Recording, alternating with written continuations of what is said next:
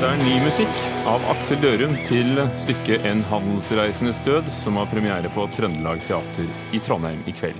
Det er stykket om den amerikanske drømmen som brast, og som vant eh, Tony Awards og Pulitzer-priser den gangen i 1949, da det første gang hadde premiere på Broadway.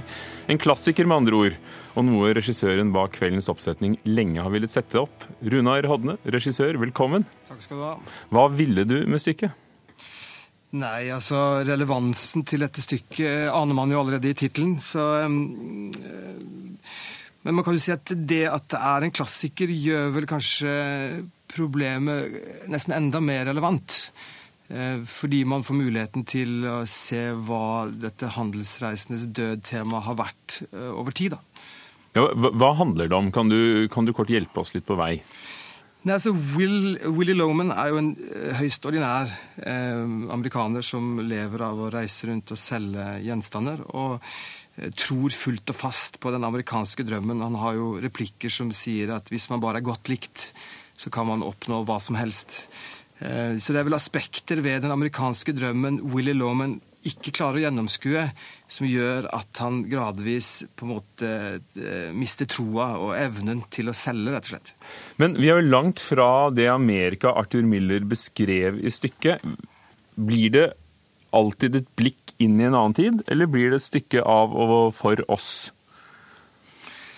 Eh, hva skal jeg si? Altså, teatret beskjeftiger seg jo med klassikere fordi de lager et slags eh, speil for samtiden. Altså Fortiden kommer til syne, og det er vel det som gjør at en klassiker er en eh, klassiker. altså At den har en tidløshet. og, og det, Dette stykket her er jo en klassiker nettopp fordi den, den, skildrer Den har en type tragisk, eviggyldig skjønnhet. Men, men, den har jo mye som er av tiden. Språket, men slanguttrykkene fra den gangen bruker vi ikke. En handelsreisende, Hvilke handelsreisende i dag er det som reiser rundt med koffert i bil og selger damestrømper? Nei, men jeg tror at man ikke skal undervurdere publikums evne til å eh, være med på den reisen, og, og, selv få lov til å, plassere seg inn i det. Det, det er jo selvfølgelig mange, mye vann som har rent i bekken siden eh, den gang, men samtidig så er det det er jo liksom det lille mennesket som kommer under sterkest press i nedgangstider. Og det er jo ikke tvil om at vi befinner oss i en tid som har likhetstrekk med tiden som dette stykket springer ut fra. Og da tenker du på de økonomiske tidene? Ja, altså, eh, Willy, altså, Arthur Miller mistet selv sin far i selvmord pga. Eh, hva skal jeg si, brukne drømmer om eh, suksess og velstand. Så han visste godt hva han skrev om. Hva gjør du med stykket når, når det står der med et stykke som du sier har en eviggyldig konflikt, og som likevel er fra 1949, og, og som dere setter opp nå i Trondheim? Hva går du løs på? Eh, altså, det er jo selvfølgelig en veldig sterk eh, fars-sønn-konflikt som, eh, som, er eh, veldig viktig for eh, dette fallet. Eh, det er klart at dette stykket, altså Problemet med den amerikanske realismen er at den både har disse klassiske kvalitetene, men det har også en daterthet i referanseverket. Så man må jo liksom grave seg gjennom en del lag av koder som ikke betyr noe for oss i dag, før man kommer til det som er kjernen. Eh, men, eh, men, kjernen den er veldig veldig relevant og sterk. Men Legger du til noe, eller eh, må de fikle med mobiltelefonen og sende SMS-er for å vise at det er i tiden, eller, eller bare trekker du fra? Nei, vi trekker fra. Altså, jeg tror at I det øyeblikket man tvangsmoderniserer ting, så tror jeg igjen man driver og undervurderer publikum. da. Hva har du tatt bort, da? Vi har tatt bort masse som du sier, slang, masse muntliggjøring for å, å liksom gjøre det realistisk. Eh, har, altså Det norske språket er ganske annerledes konstruert. Vi har også beholdt en del av eh, en litt eldre oversettelses eh, litterære kvalitet. Så det er klart at det er jo et puslespill altså for å få det til å fungere, men, men jeg tror at hovedsakelig ved å trekke fra, så får man en kjerne, og den kjernen er veldig relevant.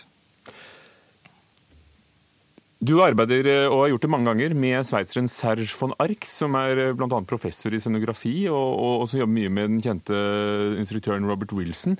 Eh, og, og for oss som bare har sett bildene foreløpig, de er jo så å si selvlysende farger. Kan du beskrive litt hva dere har gjort? Så det Vi har gjort er at vi har tatt et hus, et eksisterende hus fra Heimdal og, og flyttet det opp på hovedscenen. Ehm, og egentlig bare altså fremstille det som en slags ready made.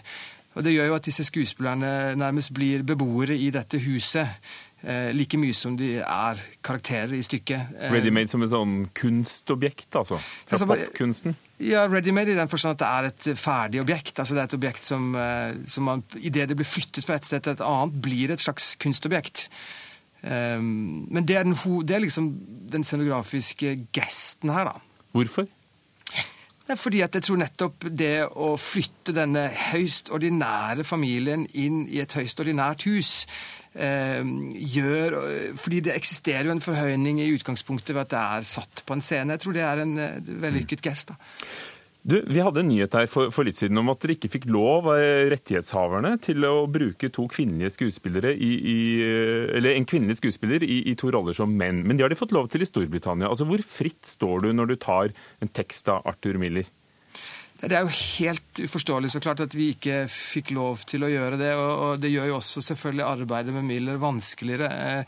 Hva ville du? Nei, Den tanken var bare så enkel som dette her er en karakter som gir uh, Willy Loman sparken, liksom.